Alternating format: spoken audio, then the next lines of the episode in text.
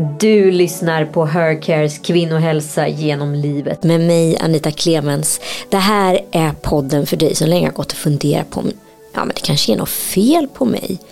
Ja, men det kanske faktiskt inte är något fel på dig. Det kanske bara är dina hormoner som är i total obalans. Det ska vi försöka reda ut idag. För ämnet är PMS och det är faktiskt någonting man inte ska ha.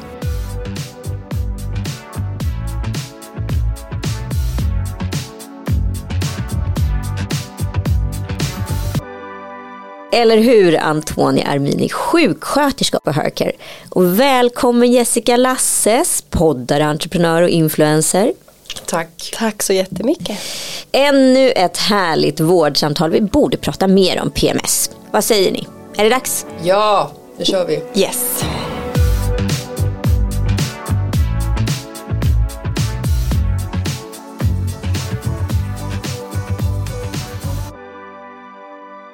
Ja, hur är det egentligen att, eh, nej men alltså känslan av att ha noll värde. Du klarar inte av någonting. Polare snackar skit bakom ryggen. Mannen kanske inte ens vill ha mig längre. Kanske träffa någon på tunnelbanan eller på jobbet, vad vet jag. Räkningarna ska betalas, det går inte. Alltså, och jobbet, herregud jobbet. Vem vill ens anlita en sån bluff som jag? Ja, det är bluffkänslan. Absolut, Ja. när ska bluffen synas? När ska Exakt. mitt korthus bara raseras? Ungefär, ungefär lite så. Och, Ja. ja. Jag känner igen det där. Jag känner också igen det här ifrån mina patienter. Vi brukar ju be dem att lista sina tre värsta symptom och väldigt ofta skulle jag säga att just det här svajiga självförtroendet, känslan av värdelöshet eller precis det du beskriver, den här bluffen. Och många säger också att, att det har kommit smygande, att man har liksom bara tagit sig igenom livet, det är klart folk vill vara med mig, klart min man vill vara med mig, jag har många vänner. Och så börjar det komma, att man liksom inte riktigt känner igen det här. Hur, har- hur har det varit för dig Jessica? Nej men alltså absolut. För Mm. jag har ett, i tidigare skede i livet så har jag absolut haft god självkänsla, gott självförtroende och varit liksom så här oövervinnlig, nästan liksom på superhjältenivå. Men senaste åren så, jag vet inte om det hände någonting när barnen kom kanske, alltså där tio år sedan ungefär. Så har det liksom börjat bara så här smyga in, eh, inte hela månaden rakt igenom utan liksom så vissa dagar man bara landar i det här mörka hålet och fattar inte ens varför man är där. Man förstår inte ens varför, varför är ens här, typ. Men nej, de flesta kvinnor lever ju också hela tiden efter devisen att precis som vi mår just nu så ska det alltid vara. Är det så Antonia? Nej, alltså givetvis förändras ju måendet hela tiden och det kan ju förändras cykliskt och då kan vi prata om eventuellt en hormonell obalans eller en PMS-problematik. Och sen så är det såklart att alla människor har bättre och sämre dagar och att någon form av tolerans och acceptans kring det måste vi ju ha. Men när man ser det här återkommande, när det drabbar din vardag, när det går ut över livet så pass mycket, det här svajiga självförtroendet, eh, då vill vi ju verkligen utreda det här och göra någonting åt det.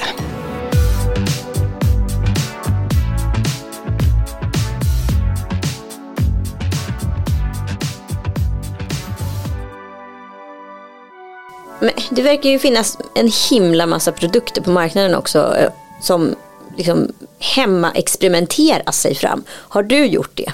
Alltså nej, jag har faktiskt inte vetat om att det har liksom funnits någon, alltså, någon hjälp överhuvudtaget. Det här är ju någonting som eh, typ skolsyster drillade i en på 80, tidigt 90-tal att eh, ja, mensvärk är vad det är och eh, ja, live with it ungefär.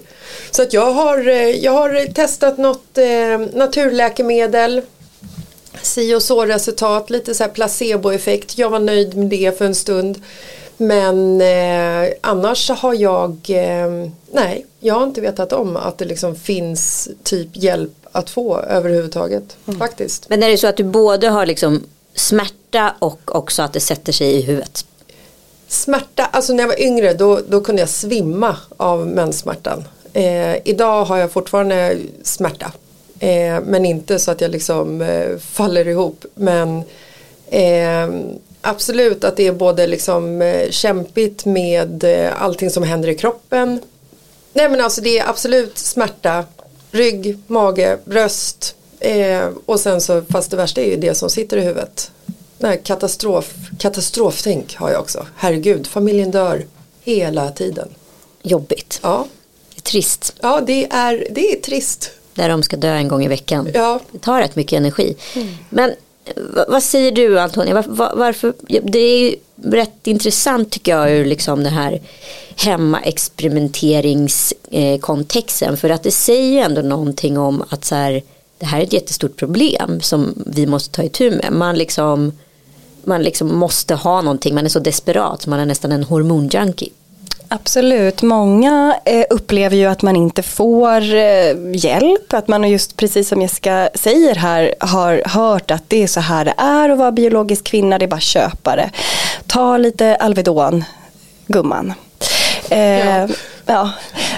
Och sen då blir man ju såklart kanske desperat för man vill inte göra slut med sin pojkvän en gång i månaden eller tro att mannen är otrogen eller att barnen ska dö. Utan man vill någonting annat. Och då börjar man leta sig runt och så kanske man får lite råd och tips via sociala medier eller andra grupper eller man blir tipsad av en vän. Och då kan det ju hända att man kanske köper produkter via nätet eh, som har blivit ganska populärt att man gör det i någon form av desperation. Men det som händer då i huvudet när de här tankarna sätter in, vad är det som händer egentligen i vår kropp? Kan man förklara det? Mm.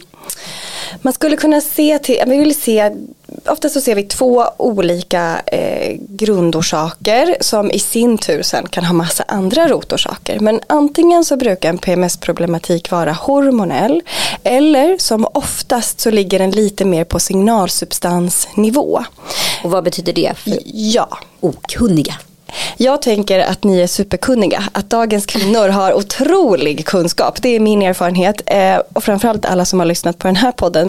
Men eh, för att repetera och gå gärna tillbaka till tidigare avsnitt. Absolut, och i allra första avsnittet så reder Mia Lundin ut just det här med signalsubstanser. Men vi tänker för nytillkomna lyssnare som bara, det här är mitt ämne, jag måste veta vad det är. Yes, så signalsubstanser så har vi ju många i kroppen och de påverkar oss väldigt mycket här och nu.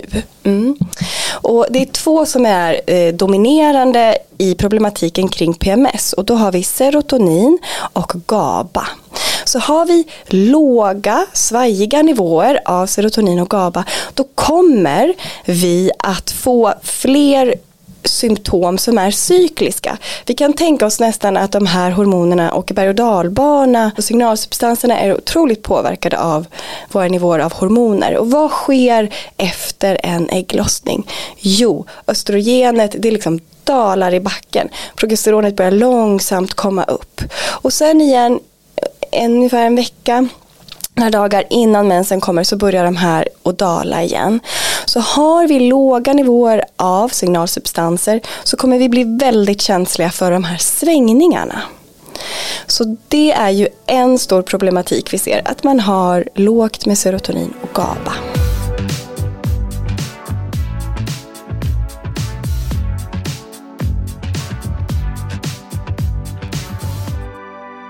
Det där med att svälla upp som du har tidigare nämnt för mig. Eh, v- Hur påverkar det liksom? I, Nej men det påverkar ju dubbla garderober såklart. Eh, nej men det, jag tycker att det har varit eh, skitjobbigt att eh, om jag ska åka på semester, solsemester och eh, ska göra det liksom precis innan mens. Då måste jag ha med mig en annan bikini. För då går jag upp tre storlekar. Alltså det blir, det blir liksom svulstigt. Det här, det här är inte min kropp. Det kanske man kan tycka är kul men jag tycker inte det är kul. Det gör ont så jag tror att jag är gravid varenda månad också. Eh, så att eh, det, det är liksom det kommer, det kommer så mycket med att kroppen förändras. Jeansen sitter för tight, magen känns liksom inte igen. Alltså, det, det, är liksom, det känns i kroppen att det, det, bara, det inte är um, i fas. Så kan man säga men jag känner också igen det här lite med svullenheten och att man kan gå upp och svaja liksom. Men ska man göra det? Här skulle man kunna se, vi pratade om att det kunde finnas framförallt två rotorsaker eller grundorsaker och här har vi en tydlig hormonell påverkan. Här ser vi ju en eh, trolig östrogendominans. Alltså att progesteronet är lägre i relation till östrogen. Östrogen är det här uppbyggande hormonet som skapar den kvinnliga kroppen. Det liksom fyller upp kan vi tänka östrogen. Medan progesteron ska ju se till att vi eh, ja, inte samlar på oss lika mycket vätska. Så det jag skulle säga att man ser här är ju en hormonell obalans mellan våra två könshormoner. Och svaret på den frågan är Alltså absolut att man kan känna av en liten skillnad men det här har olika garderober eh, och att det blir så pass, alltså det gör ont, kanske spänner i brösten, att mm, ja, magen, allt, allting känns supersvullet. Nej, det, det vill vi ju helst inte se. Mm. Jag blir ju hela tiden påmind dels från eh, skolhälsovården, alltså att de klockorna fortfarande ringer igen. Men också via sociala medier, mycket den kommunikationen som går ut till tjejer egentligen mellan 20 och 30. Att så här, PMS det är någonting man ska ha. Att det är liksom ett legitimt tillstånd för att vara kvinna. Ska det vara så? Men alltså det skämtas ju i var och varannan film om har du PMS? Alltså det är så här, det har ju blivit någonting som man inte tar på allvar tycker jag. Utan det är liksom en så här, det är någonting som man bara slänger runt med. Speciellt män. Eh, utan att egentligen veta så här, innebörden. Och ja det... men jag har ju också sett så här, reklamfilmer där man liksom så här, legitimerar tillståndet PMS. Ja. Som någonting som man har. Ska man det? Nej, Um, absolut, att vi kan ha lite olika mående i relation till vart vi är i cykeln. Om man tänker att rent biologiskt så tänker ju kroppen så här, aha vi har haft ägglossning, vi kanske ska um, ha ett barn. Så vi blir ju naturligt kanske lite tröttare för att kroppen vill att vi ska sakta in för det här eventuella fostret som ska växa. Så att man är lite mer trött, absolut, att vi, vi får en förhöjd kroppstemperatur så vi kanske svarar annorlunda på träning. Vi har en högre metabolism så ja, vi blir mer hungriga, då är det bra att äta mer mat. Men att man ska liksom vilja begå självmord eller vara irriterad hela tiden eller tycka att livet är hopplöst. Nej. Um, så absolut att man kan känna sig tröttare men inte liksom att man inte vill komma upp ur sängen. Nej och närhet till ilska hade jag. Mm. Alltså så här jättelättantändlig. Ja men att man känner att man liksom hugger till på barnen eller mannen utan att de har gjort, de har gjort ingenting annorlunda idag mot vad de gjorde för tre dagar sedan. Men idag pallar inte med det. Va? Vad säger du? Det här? Och det, det är så en himla märklig känsla för en själv när man märker att man blir så här förbannad på någonting som barnen gör som är helt naturligt. Men jag brukar kalla det för liksom det lilla vansinnet. Det är som att man vet om innan att nu kommer jag, om no två dagar då kommer jag bli galen. Mm. Men när jag väl är galen, mm. då är jag helt oförmögen att göra någonting åt det. För då är jag som i en bubbla. Ja men du reflekterar ju inte ens att det skulle vara liksom ett onormalt beteende. Nej.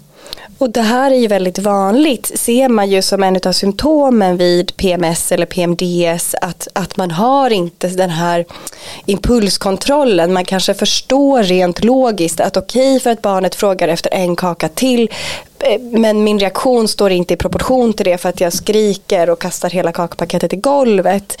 Mm. Um, så att man, det här har man ju också sett att just den här impulskontrollen försvinner. Um, och jag skulle vilja lägga till att efter det kommer det ju ganska mycket skuldkänslor kanske. Mm. Mm. Jo då. Det gör det ju.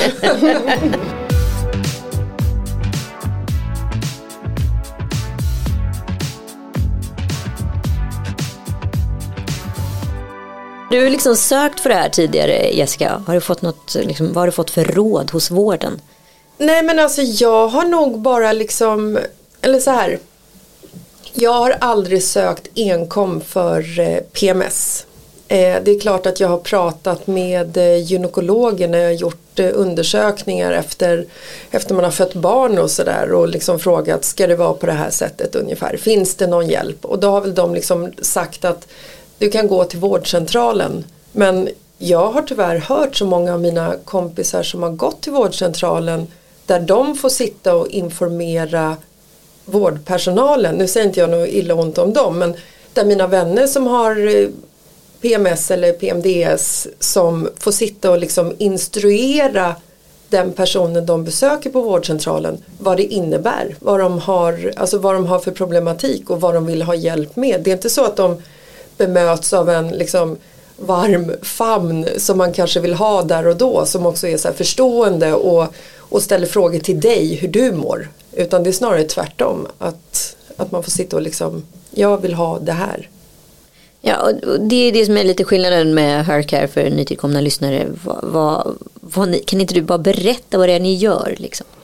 Ja, först så vill vi ju se varför just du har din PMS. Som vi sa, ligger det mer i signalsubstanserna, ligger det mer i det hormonella så har vi också alternativ. Det handlar ju om eh, hur är det med stressnivåer. Nu är jag så här jättejobbig, nu är alla så här, nej säg inte det, ge mig bara en tablett. Men vi säger det igen, för vi vet att vi, framförallt till liksom man har många år kvar att leva. Det är värt att ta till sig det här. Så hur är det med mina stressnivåer? Hur är det med mitt näringsupptag? Hur är det med mina relationer? Hur har jag en regelbunden avföring? Du vet vi sjuksköterskor, vi ställer alla de här jobbiga frågorna. Um, men sen har vi ju då också som sagt, om det är hormonellt, eh, en progesteronkräm. Just det. Och du säger att det var liksom eh, som ett hallelujah moment för att citera Kirsti Tomit där när du fick din progesteronkräm. Eh, ja. Alltså jag hade ju, när jag besökte er första gången, då hade ju jag min livs värsta PMS någonsin. Jag, eh, vi hade precis flyttat, vi hade precis köpt ett hus, börjat renovera, eh, dubbla jobb, Hundvalp köpte vi helt plötsligt. Supersmart. Coronahund? Ja, nej men typ. Det här, gud vad gulligt tänkte vi. Vi ska bara vara hemma hela tiden. Ja, sött. Eh, och på det så var det liksom eh, strax efter sommaren. Det hade varit eh, Jag hade druckit vin som vatten. Typ. Eh, käkat, glömt bort att käka. Alltså du vet så här käkat eh, pizza, det är liksom, vi har inte tid att laga mat. Vi, vi bara kör take away, Foodora, hello liksom. Eh, och eh, stressat otroligt mycket. Så den PMSen som jag fick i samband med, eh, alltså efter den perioden. Det var som en slägga. Det var, det var hej, graviditeten igen, trodde att jag var gravid. Eh, värsta verken i brösten, gigantiska. Plufsig och eh, otroligt nedstämd.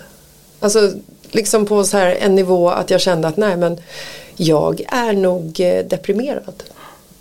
Men nu är du väldigt reflekterande och eh, liksom också ärlig med dig själv vad du faktiskt hade liksom gjort för att så här förorsaka det här. Mm. Många kommer ju dit och är bara så här, va? Hur kan det här hända mig? Ja, nej, jag, jag, hade, jag hade lite koll på läget men jag fick också berätta till mig när jag besökte er på Hurricane så fick jag ju så här hur har ditt liv sett ut egentligen på sista tiden? Så att det blev ju lite så här aha, ja men oj, pusselbitarna föll lite på, på plats. Så att, eh... En ytterst relevant frågeställning. För hur, varför blir det så här? Ja, stress påverkar ju våra signalsubstanser och våra hormoner oerhört mycket. Både så kan man ju se att kroppen kommer välja att skapa stresshormoner istället för könshormoner.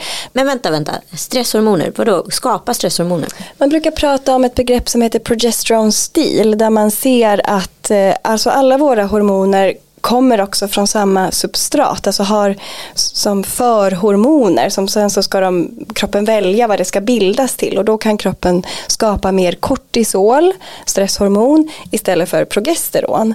Så det är eh, liksom, för att kroppen tänker att ja men vad behöver vi här? Ja men vi behöver ju uppenbarligen mer stresshormoner för att klara av den här faran. Kroppen förstår ju inte att faran är eh, svängande blodsocker för att man har käkat pizza eller att det är liksom att levern jobbar på högvarv för att man ska rensa ut alkohol eller att det är störd sömn för att man ska flytta och en hundvalp som man ska liksom springa efter som är som ett tre, som man har fått trillingar. Liksom. Mm. Men, så, så våran kropp lever kvar som att vi bor i en grotta men eh, resten har liksom flyttats framåt några tusentals år.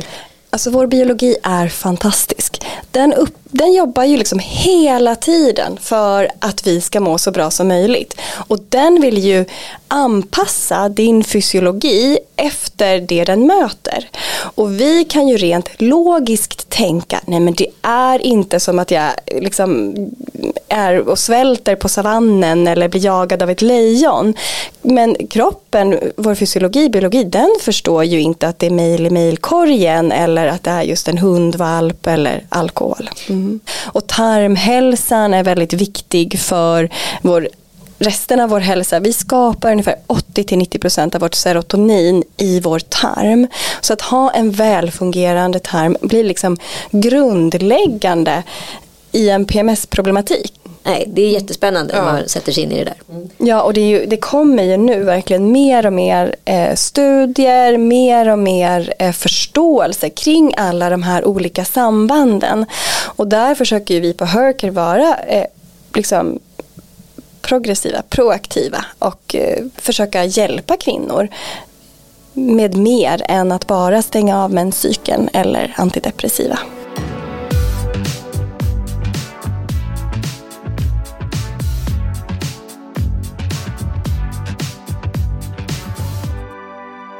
Så vad hände då efter Jessica kom in till er och du liksom berättade, kartlade ditt eget liv?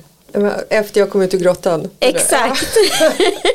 Nej men alltså jag, eh, jag gjorde ett blodprov när jag hade mens och sen så träffade jag Hercare och så gick vi igenom mina, alltså mitt blodprov för att se vad, eh, hur, hur alla mina värden var. Hur såg mitt östrogen ut? Vad är förklimakteriet? Hur såg progesteronet ut? Eh, D-vitamin, järn, alltså vi gick igenom allting. Och genom lite grann av mina eh, värden så kunde den sjuksköterskan som jag träffade hon kunde nästan liksom sätta fingret på hur jag mådde vilket var, det var helt sjukt. Det var nästan som en liten så här uppenbarelse att någon liksom förstod hur jag mår i min cykel. Och när vi sitter där så, så ställer jag en fråga. Eh, jag sa så här, du, du ser ingen cancer? Och då tittade hon på mig och så sa hon så här, händer det här ofta Jessica? Ja, vadå? Ja, alltså att du har såna här tankar, lite katastroftänk. Ja, herregud, katastroftänk det är ju min bästa, värsta vän. Jag tycker, jag har ju alltid tänkt i mitt liv att har jag katastroftänk så är jag liksom förberedd när det händer. Är man det? Nej, inte när det är så här. Eh, liksom har jag cancer då skulle jag säga att det är absolut om man börjar få eh, konstiga symptom och förändringar. Det är viktigt att ta prover och, och liksom kolla vad är det med mig. Men att gå runt och oroa är ju inte någonting som är så bra Nej, för hälsan. Det är inte bara cancer, det är tsunamis, det är jordbävningar, det är, det är hissar som eh, faller från toppen och ner. Alltså det, mm. jag, har gått igenom, mm. jag har gått igenom allt. Mm. Eh, och jag tyckte att det var så härligt att hon, hon verkligen så här, hon såg mig, hon hörde mig och hon rekommenderade den här progesteronkrämen och sen lite andra tillskott som, som, som jag saknade. D-vitamin bland annat och omega 3 är ju aldrig dåligt att äta.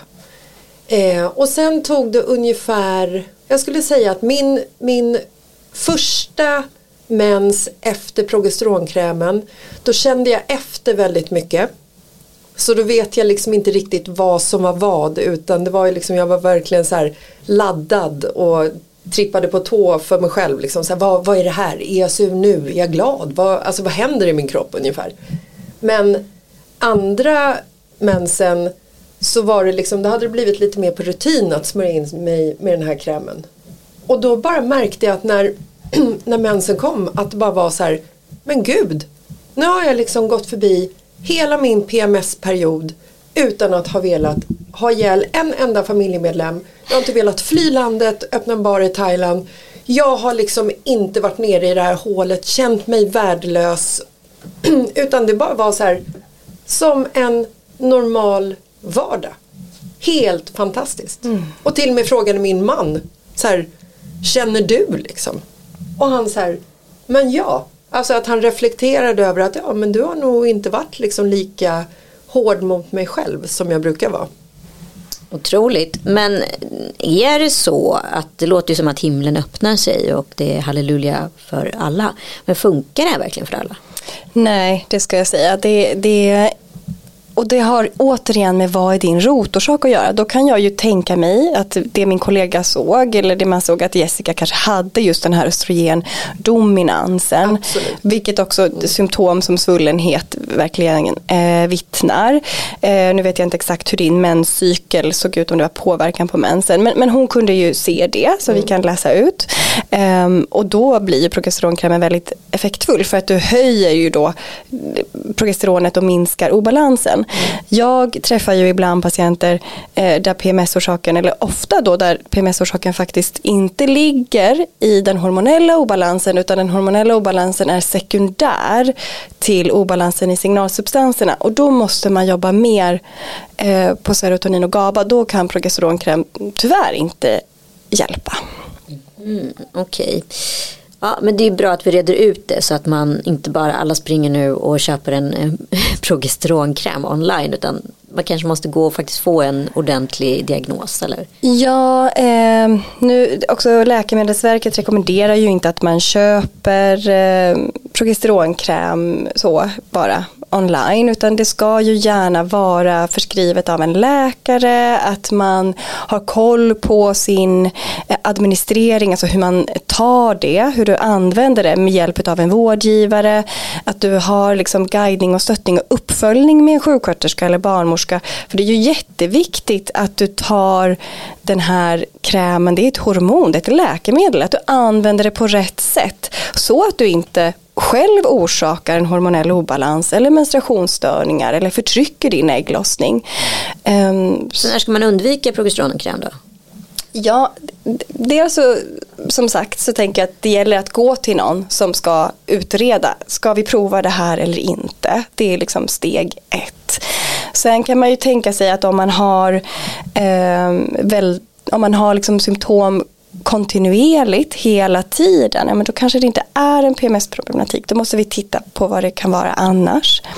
Är man väldigt, väldigt nära menopausen, alltså klimakteriet, eh, och vi går in i det sen, ja men då kan man ju också få eh, känna sig mer trött och få andra symptom, eh, där progesteronkrämen eh, trycker ner för mycket. Mm. Så hur ofta ska man gå liksom och besöka vården? En gång per år eller? Mm. Eh, hos oss så fungerar det så att eh, vid ett besök om vi har då utrett och kommit fram till att vi ska prova en progesteronkräm så får man det förskrivet i tre månader.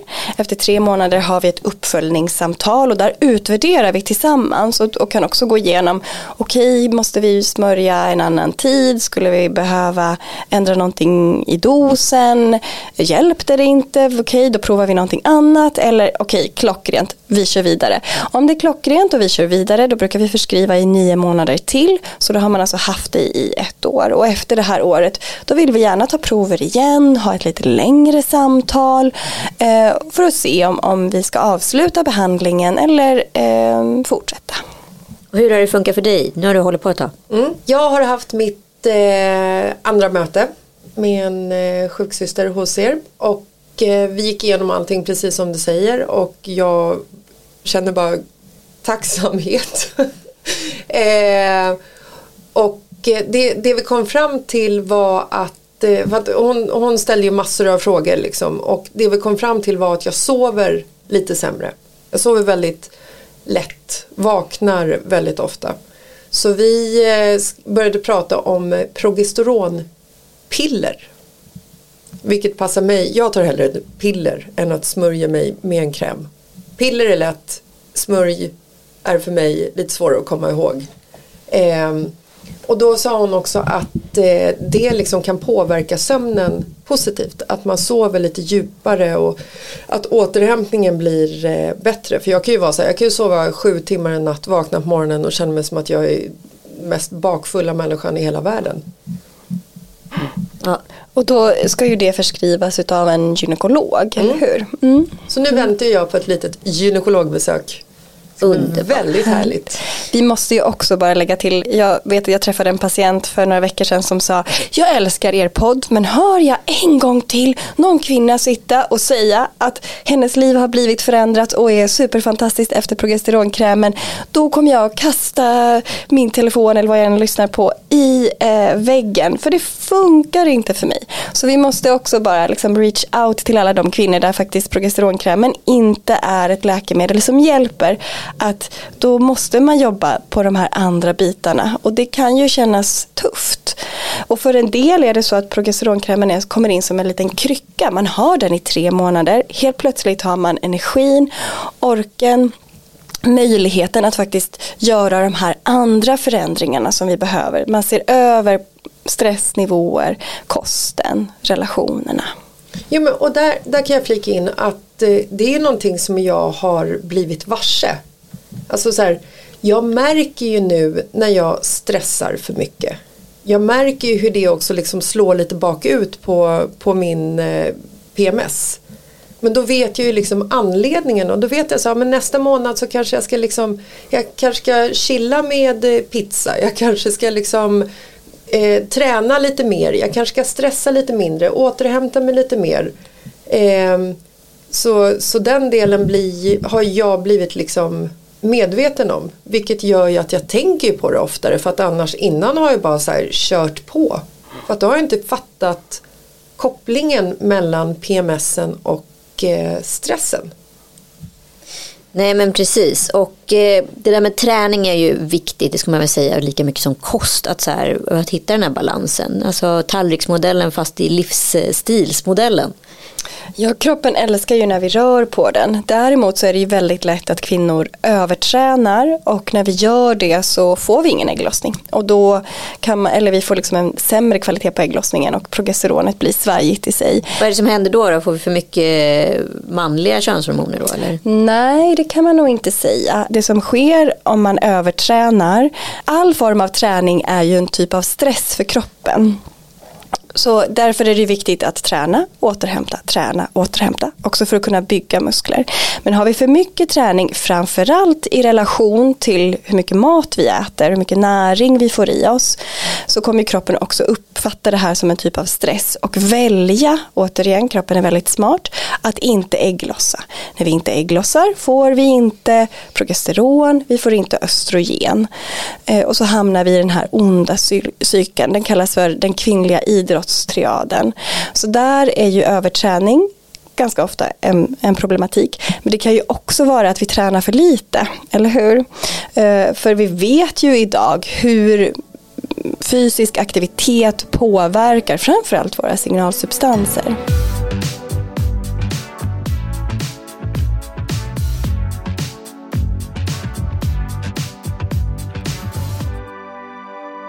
Ja, men hur mycket ska man träna då per vecka för att hitta ett snitt här? Jag tror att det är många som sitter och funderar där ute. vad gör jag för fel, vad gör jag för rätt? Ja, och nu kommer jag slingra mig ur svaret. Att det är också väldigt individuellt. Och det finns väldigt mycket olika rön eh, och råd. Men det man kan tänka på är ju att alltid utgå från sig själv. Och lite som Jessica gjorde, börja lägga det här pusslet. Vad gör jag och vad, hur slår det ut sen i min menscykel? Hur slår det ut på mina stressnivåer, på min PMS eventuellt? Din PMS kan man ju se har blivit din bästa vän. Den har ju blivit som en typ av barometer just nu. Som faktiskt gör att du kan vara mer i ohälsa eller vara mer i hälsa. Mm. Mm. Ja, jag kanske inte skulle kalla den för bästa kompis men jag fattar, du har rätt i det du säger. Mm. mm. Eh, men jag har inte riktigt, jag har inte riktigt så förlikat mig ännu för att jag har ju fått ett litet wake-up call att man inte, jag behöver inte, jag har inte behövt må så här liksom. Eh, så att jag har ju fortfarande en lite så irritation över att vad, vad fan har jag gått omkring i, jag är 46 år, har jag gått omkring med PMSat här i 10 år i onödan. Mm. Asonödigt. Jag har ju tagit otroligt många beslut, eh, kanske vid fel, fel tillfälle i cykeln som, som inte har varit superbra. Liksom. Mm. Eh, det hade ju varit ashärligt att ha liksom, en hjälp från bara från någonstans att informationen hade funnits. Men det är liksom, nu har vi gjort nästan 20 avsnitt av den här podden och eh, det här är ju det som kommer hela tiden. Kvinnor plus 40 som säger så här, varför har jag mått dåligt så länge i mitt liv? Eh, varför visste jag inte det här? Men varför, varför har ingen sagt Och det var därför Ja. var hela syftet med att starta podden från första början för jag kände jag är inte ensam. Nej. Eh, men liksom, hur skulle du säga att det- du har liksom, du var inne lite på det Jessica, men hur har du förändrat ditt liv efter den här liksom, vad är din livsstilsomställning? Nej men alltså stressen är ju superviktig alltså, och den har jag blivit medveten om så nu vet jag ju när jag är stressad. Jag vet när jag jobbar för mycket, jag vet när jag liksom stressar upp mig över saker som jag egentligen inte behöver bry mig om och då ser jag till att bara så här bryta Eh, återhämta mig, sen om det är att jag går ut och kör en promenad eller om jag lägger mig i soffan och kollar på en serie. Det är liksom, eller om jag bara hänger med barnen. Jag, alltså, jag gör någonting som bara så här bryter mönstret. Och sen, sen har det liksom varit en, en stor grej för mig att eh, pendla i storlek eh, varje månad. Det har, det har varit liksom, för det har synts fysiskt. Säger man det? Ja, då har det synts fysiskt på mig. Eh, och jag har liksom inte tyckt om det. Så att det har varit liksom så här en vecka i månaden, du vet så här, jag får klä mig lite annorlunda för att jag vill inte springa omkring med den här jättebysten liksom. Så att eh, för mig så, så har det förändrats mycket. Men jag tror framförallt att det har förändrats liksom i hjärnan. Att jag känner mig inte lika värdelös längre. Jag har förstått hur min kropp fungerar. Jag vet att mina polare älskar mig och att min man vill vara med mig. Liksom. Och vad händer när du får katastroftankar då? Fattar du att det är katastroftankar Jag då? fattar att det är katastroftankar. Jag sitter inte i bilen och gråter över att barnen har brunnit inne. Liksom, för att så, så har det ju varit tidigare. Eh, de hälsar ju på, absolut. Men nu kan jag, liksom, så här, jag kan nästan vifta bort dem och, och här, skratta bort dem lite grann. Det sätter sig liksom inte som en så här klo runt bröstet som det har gjort tidigare. Och det är ju otroligt förlösande.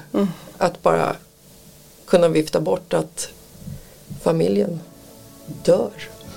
Det är ju inte superkul. Ja.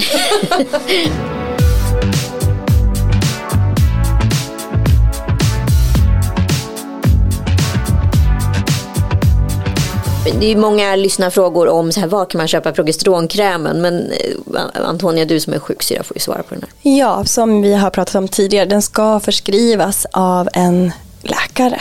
Mm. Tack snälla Jessica Lasses för att du har varit här och Antonia Armini som är så grym och kan så mycket. Och vill ni veta mer så kan ni besöka hercare.se och vill ni vad heter det, få koll på er cykel och börja tracka era symptom då är faktiskt Hercares app supergrym på det. Eh, nu är podden faktiskt slut. Är det något mer vi behöver tillägga? Tack till dig Anita att du är med i det här paradigmskiftet. Att just göra den här förändringen för kvinnor. Tack. Och tack att jag fick komma. Det här var både givande och kul.